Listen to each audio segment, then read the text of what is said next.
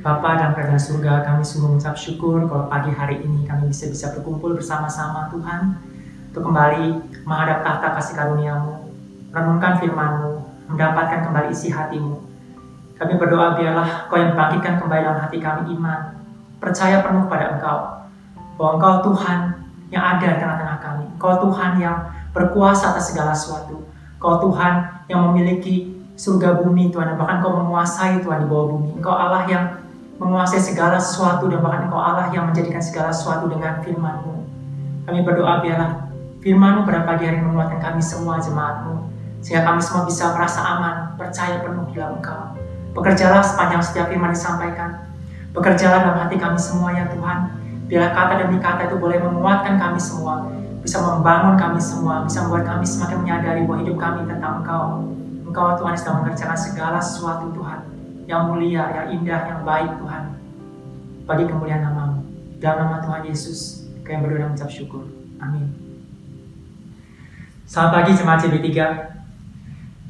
Saya berharap semua jemaat dalam kondisi yang sehat pada pagi hari ini. Saya bersyukur bahwa kita semua masih bisa berkumpul di tempat ini. Dan pada pagi hari ini saya mau menyampaikan satu firman Tuhan. Saya percaya firman Tuhan ini bisa menguatkan kita semua tempat ini. Apa yang saya dapatkan di dalam hari-hari ini dari pengalaman apa yang saya alami, saya percaya bahwa firman ini bisa berbicara kuat buat kita semua yang ada di tempat ini. Firman Tuhan katakan di Mazmur 23 ayat 1 sampai 4. Mazmur Daud. Tuhan adalah gembalaku, tak akan kekurangan aku. Ia membaringkan aku di padang yang berumput hijau. Ia membimbing aku ke air yang tenang. Ia menyegarkan jiwaku. Ia menuntun aku di jalan yang benar oleh karena namanya. Sekalipun aku berjalan dan lembah kekelaman, aku tidak takut bahaya, sebab engkau besertaku. Gadamu dan tongkatmu, itulah yang menghibur aku. Ada satu bagian dari firman Tuhan yang mengatakan bahwa melewati lembah kelam, tempat di mana keadaan begitu gelap, kita tidak tahu jalan mana yang akan membawa kita keluar.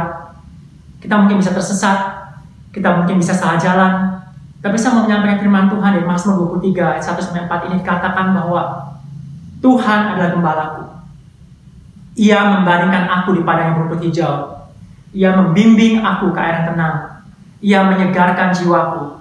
Ia menuntun aku di jalan yang benar oleh karena namanya. Pada waktu saya mendengar firman Tuhan ini, saudara, saya merasa betul-betul bahwa di sini subjeknya adalah Tuhan sendiri. Berapa kali Daud berkata bahwa ia yang membimbing, Ia yang membawa aku, Ia yang membuat aku tidak kekurangan, Ia yang menyegarkan jiwaku, bahkan Ia yang menuntun aku. Di jalan yang benar oleh karena namanya. Saya percaya sekali saudara bahwa di dalam masa-masa yang begitu sulit dan bahkan masa-masa yang tidak mudah hari-hari ini, saudara saya mau mengingatkan kita semua di sini bahwa dialah subjeknya, dialah sumbernya, dia tetap membimbing kita. Dia yang uh, memimpin jalan kita. Dia yang tahu persis ke mana jalan keluarnya, saudara. Firman Tuhan katakan bahwa akulah jalan kebenaran hidup. Tuhan Yesus mengatakan akulah jalan. Dia jalan yang dapat kita percayai. Dia Tuhan yang di mana pada waktu kita menempatkan dia sebagai gembala kita, sebagai Tuhan yang memimpin hidup kita. Saya percaya bahwa dia adalah Tuhan yang membimbing kita ke air tenang. Dan ia menyegarkan jiwa kita. Saudara ini bukan tentang kita yang sedang berusaha mencari jalan sendiri. Daud tidak mengatakan bahwa ini tentang dia yang sedang berusaha mencari padang yang berumput hijau. Bukan tentang dia yang sedang berusaha untuk mendapatkan air yang tenang. Tapi tentang ada satu orang pribadi yang dapat dipercaya yaitu Tuhan. Yang bisa membimbing kita, yang bisa menyegarkan jiwa kita, yang bisa menuntun kita, dan membawa kita keluar dari lembah kelam dan sampai kepada padang yang berumput hijau dan air yang tenang. Saudara, di sini ada satu bagian hal yang penting. Pada waktu dua pihak sedang berjalan bersama. Kedua pihak ini harus punya kesepakatan, saudara. Siapa yang memimpin dan siapa yang akan dipimpin. Jika dua-duanya ingin memimpin, tidak akan mungkin seorang bisa sampai kepada tujuan yang seharusnya. Firman Tuhan katakan di sini, Daud mengatakan bahwa aku memutuskan bahwa engkau lah gembalaku Tuhan. Engkau lah yang memimpin aku. Aku melepaskan semua kontrolku bahkan kendaliku atas aku mau jalan ke mana, aku akan jadi seperti apa, aku akan sampai ke mana. Ya, Daud tahu persis bahwa di dalam lembah kelam yang begitu sulit, dalam keadaan yang begitu gelap, dia sebagai manusia sangat terbatas, sangat lemah. Dia nggak bisa mengetahui banyak hal.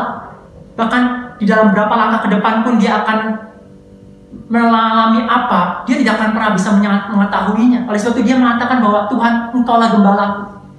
Dia memutuskan bahwa kendali atas hidupnya, pimpinan atas hidupnya diserahkan sepenuhnya kepada Tuhan.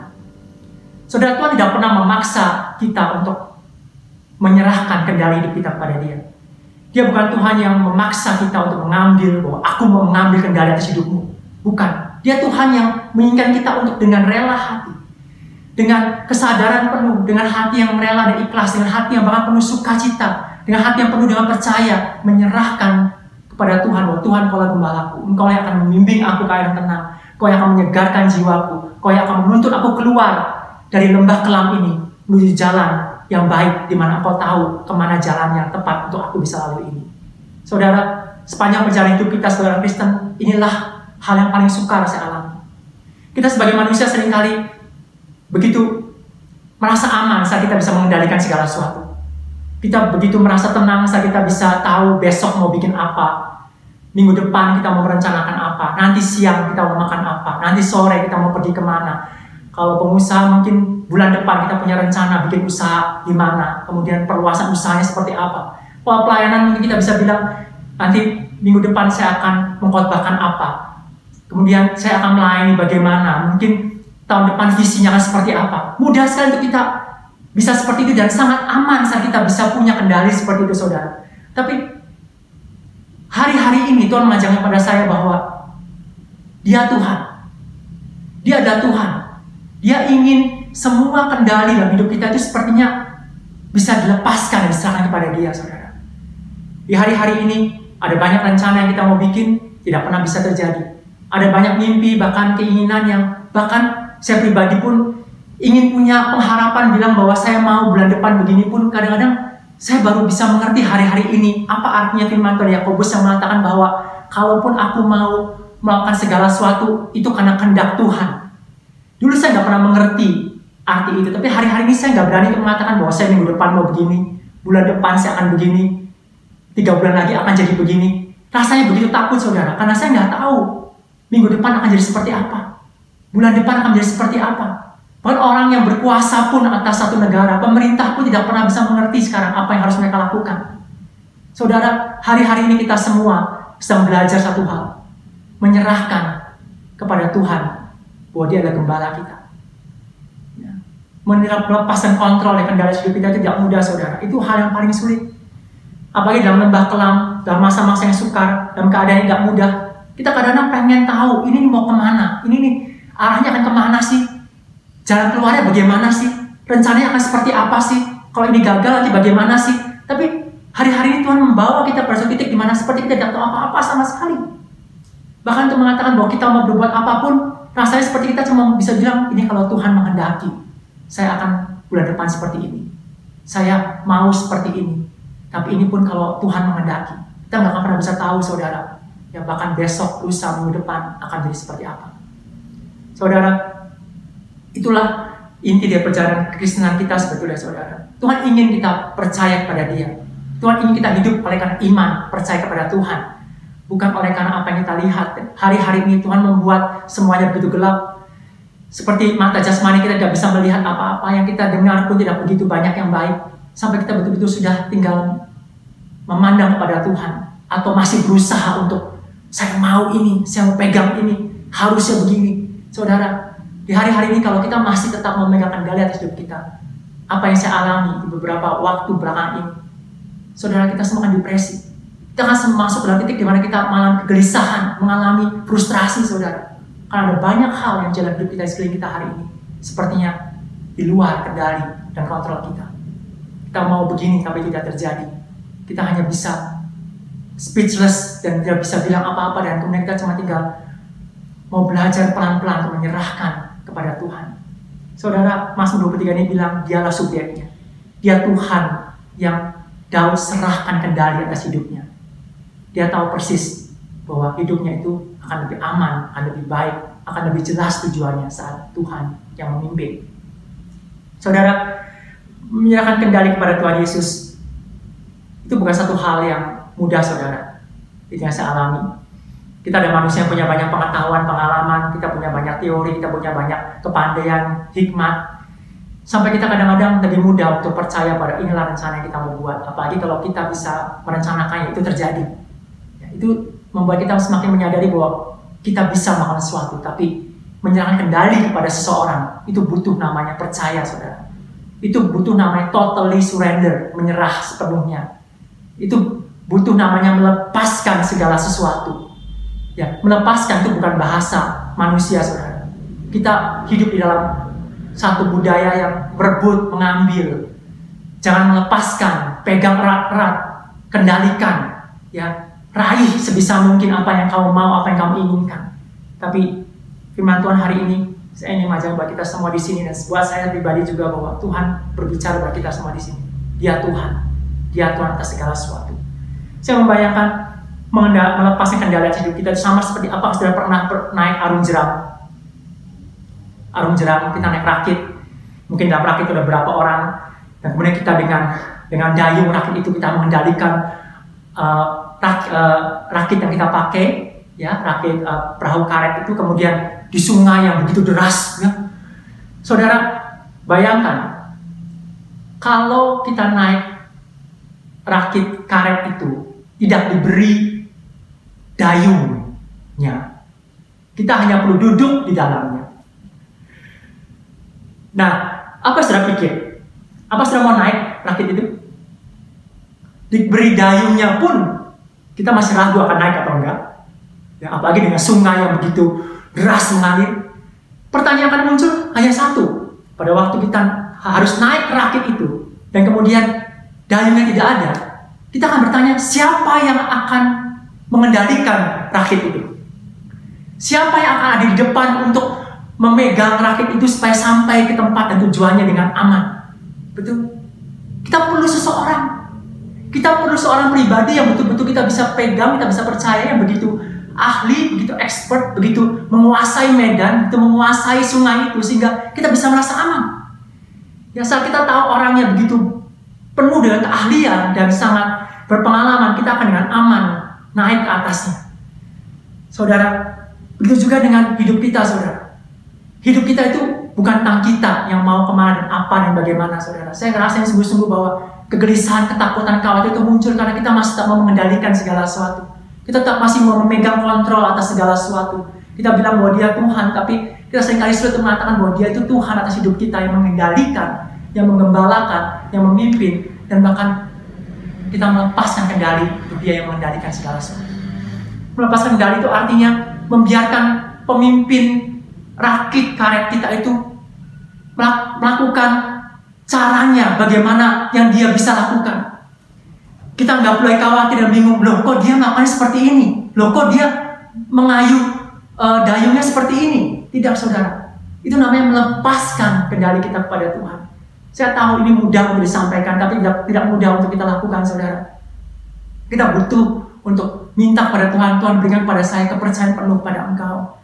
Berikan pada kami Tuhan satu iman untuk kami bisa berpegang teguh percaya Tuhan bahwa Engkau lah yang mengendalikan, yang memimpin hidupku.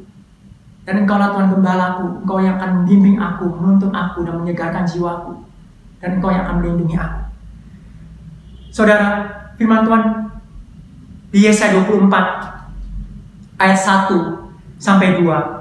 Pada waktu saya menentukan Yesaya 24 ini, saya tidak akan baca seluruh pasal, tapi saudara bisa lihat bahwa ini adalah satu firman Tuhan yang ditulis oleh Yesaya yang saya pada waktu membaca itu sama persis dengan kejadian di hari-hari ini, saudara. Sehingga pada waktu saya membaca ini merinding dan saya merasa bahwa, wow, kok bisa ini pernah ditulis beberapa ribu tahun yang lalu dan terjadi di masa seperti sekarang. Ya, ayat 1 sampai 2 dikatakan Yesaya 24, sungguhnya Tuhan akan menanduskan bumi dan akan menghancurkannya, akan membalikan permukaannya dan akan menyerahkan penduduknya. Maka seperti nasib rakyat demikian nasib imam, seperti nasib hamba laki-laki demikian nasib tuannya, seperti nasib hamba perempuan demikian nasib nyonyanya, seperti nasib pembeli demikian nasib penjual, seperti nasib peminjam demikian nasib yang meminjamkan, seperti nasib orang yang berhutang demikian nasib orang yang berpiutang. Sampai ayat itu kita bisa lihat bahwa ini yang terjadi hari-hari ini. Orang yang merdeka secara fisik. menjadi dipenjara di dalam rumah. Orang yang dipenjara di dalam penjara secara fisik, mereka bisa dibebaskan hari ini. Orang yang punya hutang dan orang yang menghutangi mengalami masa-masa sulit yang sama hari-hari ini. Bahkan tuan dan hamba itu mengalami masa-masa yang sulit juga bersama-sama di masa-masa seperti hari-hari ini.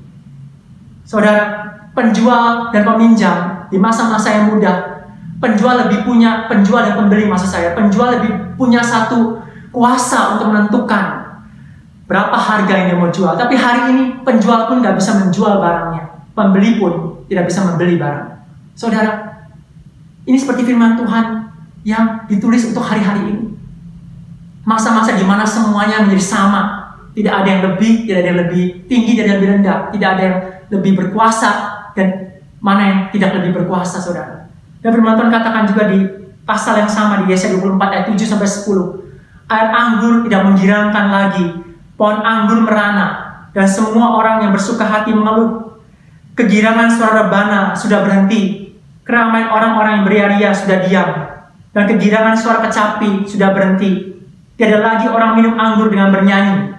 Arak menjadi pahit bagi orang yang meminumnya. Kota yang kacau riuh sudah hancur. Setiap rumah-rumah sudah tertutup, tidak dapat dimasuki. Orang menjerit di jalan-jalan karena tiada anggur. Segala sukacita sudah lenyap kegirangan bumi sudah hilang. Saya mengalami, saya melihat bahwa ini yang kita alami hari-hari ini, saudara. Di mana keriangan sudah tidak ada lagi, jalan-jalan tadinya ramai, semua menjadi sepi dan hening hari-hari ini. Orang tidak bisa lagi bersosialisasi dengan akrab hari-hari ini, semua dibangun dengan jarak. Bahkan setiap rumah sudah tertutup, firman Tuhan katakan tidak dapat dimasuki, itu terjadi hari-hari ini. Semua orang tidak mudah untuk berkunjung ke rumah orang lain dan tidak mudah untuk dikunjungi juga. Saudara, firman Tuhan ini ditulis, saya percaya bukan untuk menakuti kita. Firman Tuhan ditulis bukan untuk membuat kita menjadi takut. Saudara, pada waktu membaca memang terus terang saya mengatakan pada saudara bahwa saya mengalami kegentaran, ketakutan dengan apa yang saya baca di Yesaya 24 ini. Tapi pada waktu saya menyelesaikan sampai bagian akhir ayat ini, pasal ini, saya menyadari bahwa maksud Tuhan menyampaikan firman Tuhan ini kepada kita adalah sebagai anak-anaknya untuk kita tahu bahwa dia adalah Tuhan yang ada di masa-masa seperti hari ini. Dia Tuhan yang sudah memberitahu sama kita ini loh, anak-anakku, akan ada masa seperti ini. Ya, kamu jangan takut, aku akan ada di sana. Aku sudah mengatakan kepada kamu kan, bahwa ini akan terjadi. Jangan khawatir, aku ada di situ. Aku tetap memegang kendali atas atas apa yang terjadi di masa-masa itu. Tuhan ingin mengatakan pada kita semua bahwa ini bukan satu masa yang mengejutkan buat dia. Ini bukan satu masa yang mengagetkan buat dia. Ini masa di mana Tuhan sudah tahu bahwa ini akan terjadi. Saya merenungkan satu contoh kisah lagi yang saya bayangkan dari dari apa yang saya, uh, saya bayangkan ini adalah saya pernah diajak oleh salah seorang supervisor saya pada waktu saya bekerja di perusahaan untuk pergi ke daerah Lembang di masa uh, libur weekend. Dia mengajak saya pergi ke daerah Lembang dan dia bilang mengajak saya untuk minum susu murni langsung dari peternakannya saudara dari tempat sapi-sapi itu peternakannya ada sumurni dan dia mengajak saya ke sana. Saya nggak pernah pergi ke sana dan dia bilang nanti kita pergi ke sana ya, tapi jalannya rusak, sempit, kecil, ya. Tapi tempatnya enak, sumurnya enak ya. Saya percaya pada dia dan betul saudara pada waktu saya menjalani jalan bersama dengan dia naik mobil itu jalannya sempit, rusak sampai saya pikir ini benar jalannya nggak nggak tersesat. Tapi karena saya tahu bahwa dia pernah bilang sebelum pergi bahwa akan lewat jalan yang sempit, yang rusak, yang sulit. Saya menjadi tahu bahwa dia tahu persis jalan ini. Dia tahu persis ini tujuannya ke mana. Sehingga saya punya rasa aman. Saya nggak takut untuk berjalan bersama dengan dia. Itu maksud dari Tuhan menyampaikan firman Tuhan ini di Yesaya 24, saudara. Ini akan terjadi pada waktu aku berjalan bersama dengan engkau. Kita akan melewati masa-masa ini Jangan takut, aku sudah tahu dan aku akan bisa mengendalikannya dan kita akan bisa melewatinya. Saudara, firman Tuhan ini sungguh satu hal yang luar biasa dan saya percaya sekali bahwa pada waktu kita mendapatkan firman Tuhan ini, kita hanya perlu untuk bisa percaya bahwa dia sudah ada di hari ini, saudara. Dan bahkan dia sudah tahu apa yang terjadi tahun depan, dua tahun lagi, tiga tahun lagi. Ya, sebelum kita mengetahuinya. Yesaya 48 ayat 3 sampai 6 dikatakan firman Tuhan Hal-hal yang terjadi di masa lampau telah kuberitahukan dari sejak dahulu. Aku telah mengucapkannya dan telah mengabarkannya. Kemudian dengan sekonyong-konyong aku melaksanakannya juga dan semuanya itu sudah menjadi kenyataan. Oleh karena aku tahu bahwa engkau tegar tengkuk, keras kepala dan berkepala batu, maka aku memberitahukannya kepada kamu dari sejak dahulu. Sebelum hal itu menjadi kenyataan, aku mengabarkannya kepadamu. Supaya jangan engkau berkata berhalaku yang melakukannya, patung pahatanku dan patung tuanganku yang memerintahkannya. Engkau telah mendengar semuanya itu, dan sekarang engkau harus melihatnya. Tidakkah kamu sendiri mau mengakuinya? Aku mengabarkan kepadamu hal-hal yang baru dari sejak sekarang, dan hal-hal yang tersimpan yang belum kau ketahui.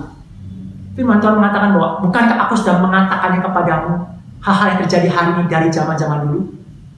Bukankah aku sudah mengabarkannya kepada kamu? Dan aku yang melaksanakannya. Bukan kita. Bukan kekuatan kita. Bukan kepandaian kita.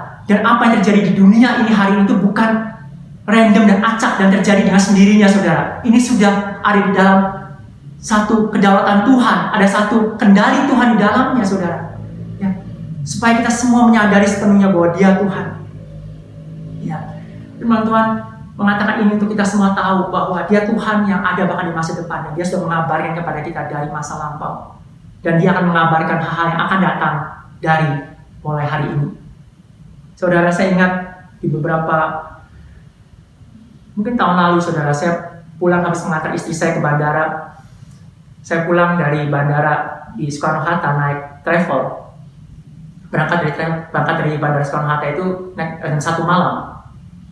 Kemudian saya naik travel dan kondisi malam hari dan di jalan tol itu ada pembangunan jalan layang eh, MRT, LRT sehingga macet saudara.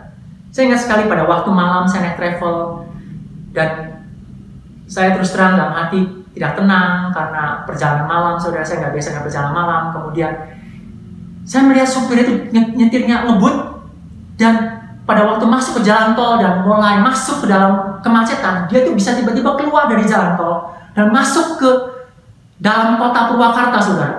Dan dia masuk ke gang-gang sempit, ke jalan-jalan kecil. Sampai saya perhatikan ini, supir tahu jalan atau lagi cari jalan, apakah ini akan kesasar atau akan sampai ke Bandung atau enggak? Dan pada waktu dia masuk, sampai saya nggak bisa tidur, sampai saya perhatikan aja bagaimana dia membawa mobil ini sampai dia masuk ke jalan gang yang kecil, kemudian dia belok lagi, kayaknya salah jalan atau nggak tahu bagaimana, kemudian dia belok, dia cari jalan, dia keluar, keluar, keluar. Akhirnya sampai saya nggak bisa tahan, saya ngomong sama supirnya, Pak, ini nggak lewat jalan tol Pak, jalan tol yang macet Pak. Terus saya bilang sama Pak, sama Bapak itu, Bapak tahu udah biasa lewat jalan sini? Oh ya sudah biasa Pak, tenang aja Pak. Tapi cara dia mengemudikan mobil dengan jalan di tempat-tempat yang saya nggak pernah tahu itu membuat saya was-was, saudara. Membuat saya khawatir sampai akhirnya setelah beberapa menit saya tanya sekali lagi, betul jalannya Pak, kok belum masuk lagi ke jalan tol ya Pak? Masih di jalan dalam kota dan bukan di dalam kota sudah. Itu masuk sampai ke pinggir-pinggir sawah. Saya nggak tahu ini lewat mana jalannya gitu. Sudah bayangkan ya, saya mau ke Bandung, mau cepat nyampe, tapi kok dibawa ke jalan seperti ini? Supirnya nggak jawab sudah. Saya renungkan, pada waktu saya mendengar firman Tuhan ini, akhirnya saya mendapatkan bahwa bukan kayak itu sama seperti sebenarnya doa, saudara. Bagaimana doa itu sebetulnya kita mensinkronkan atau menyamakan diri kita dengan rencana dan kehendak Tuhan. Pada waktu saya tanya sama supir itu berulang kali, saya itu seperti sedang tanda petik berdoa. Mungkin kalau ini dengan Tuhan, saya sedang bilang sama Tuhan, Tuhan, ini benar jalannya. Tuhan ini benar nih lewat sini. Tuhan betul nih nggak salah jalan, kamu bawa saya lewat sini.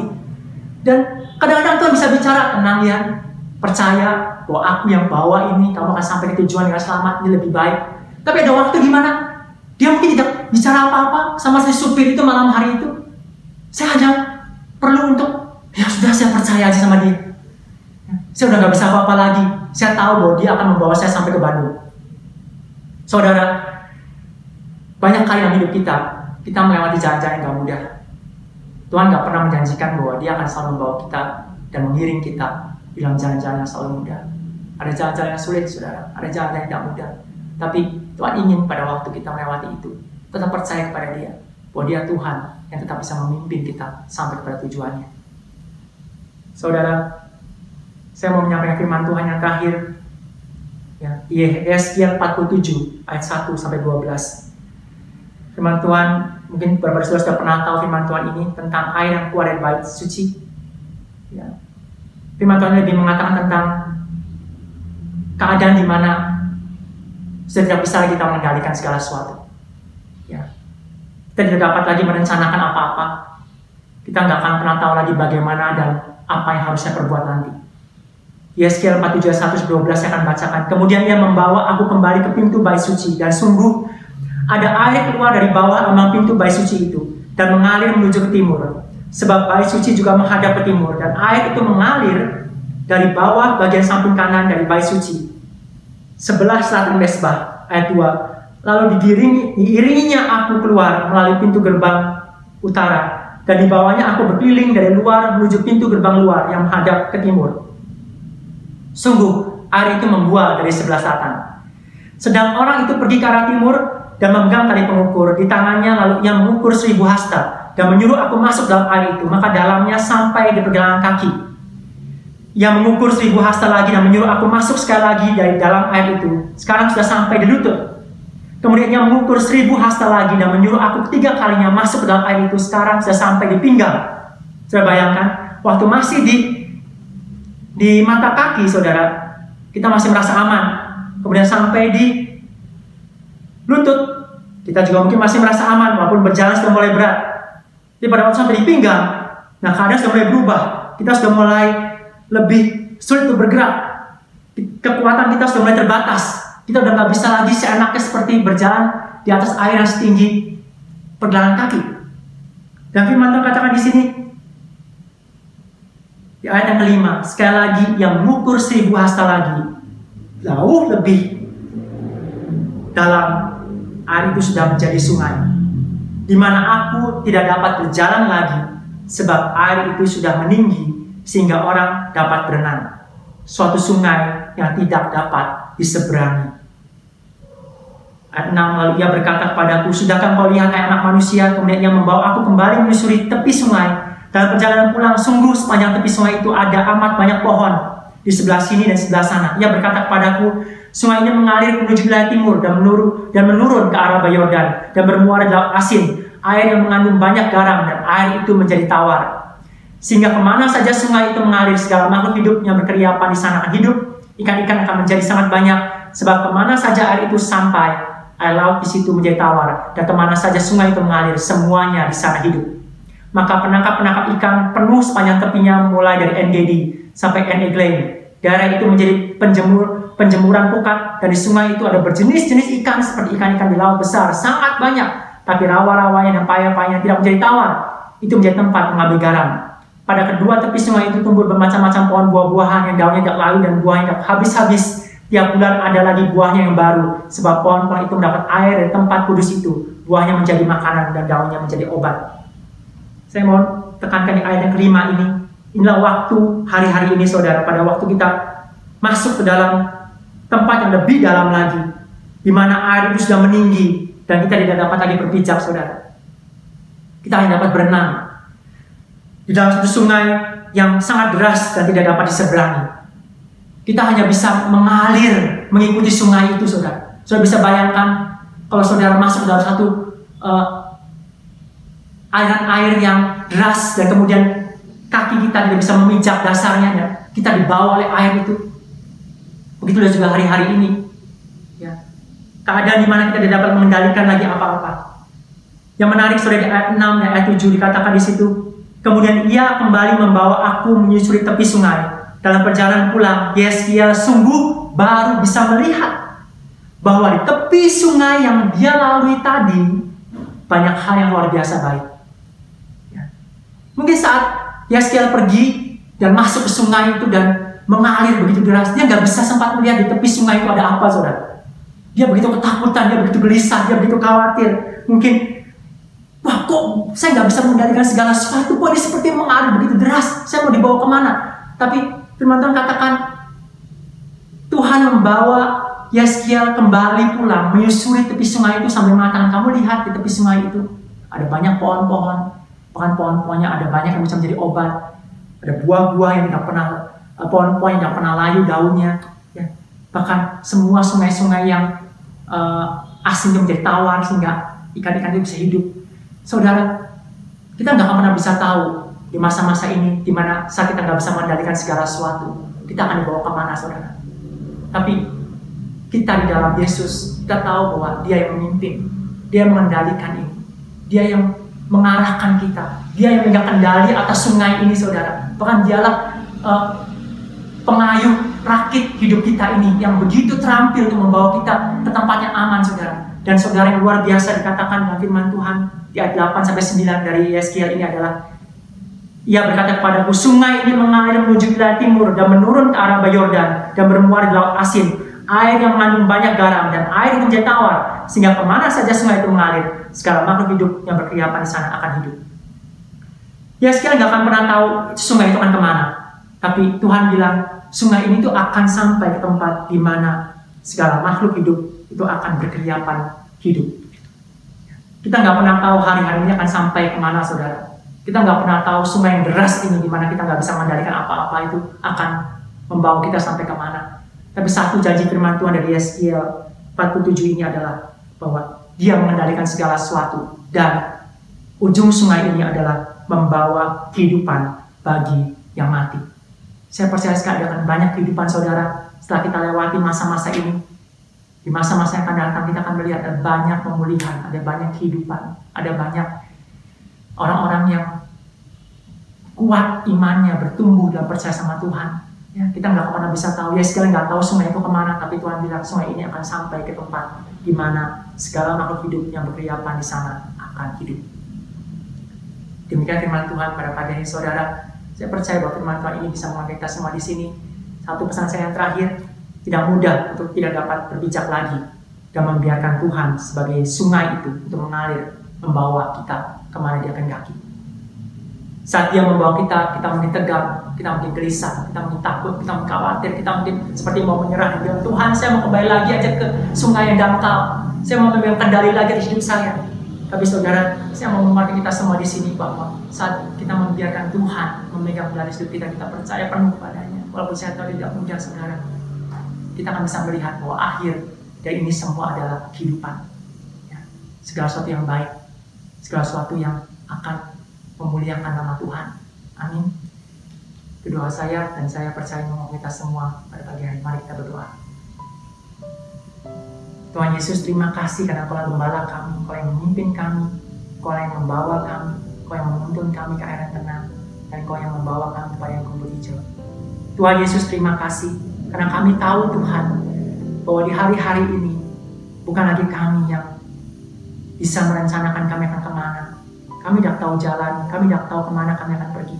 Tapi kami mau menyerahkan Tuhan, pimpinan hidup kami kepada Engkau. Tuhan, Kau gembala kami.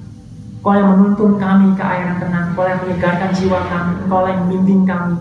Kau yang menjaga kami, melindungi kami di lembah kelam. Kami berdoa, kami percaya bahwa Engkau lah Tuhan yang ada dan mengendalikan segala sesuatu dalam hidup kami hari-hari ini. Aku berdoa buat jemaat CB3, buat jemaat CB3 bagi jemaat yang betul-betul terus bertumbuh dalam iman di hari-hari ini.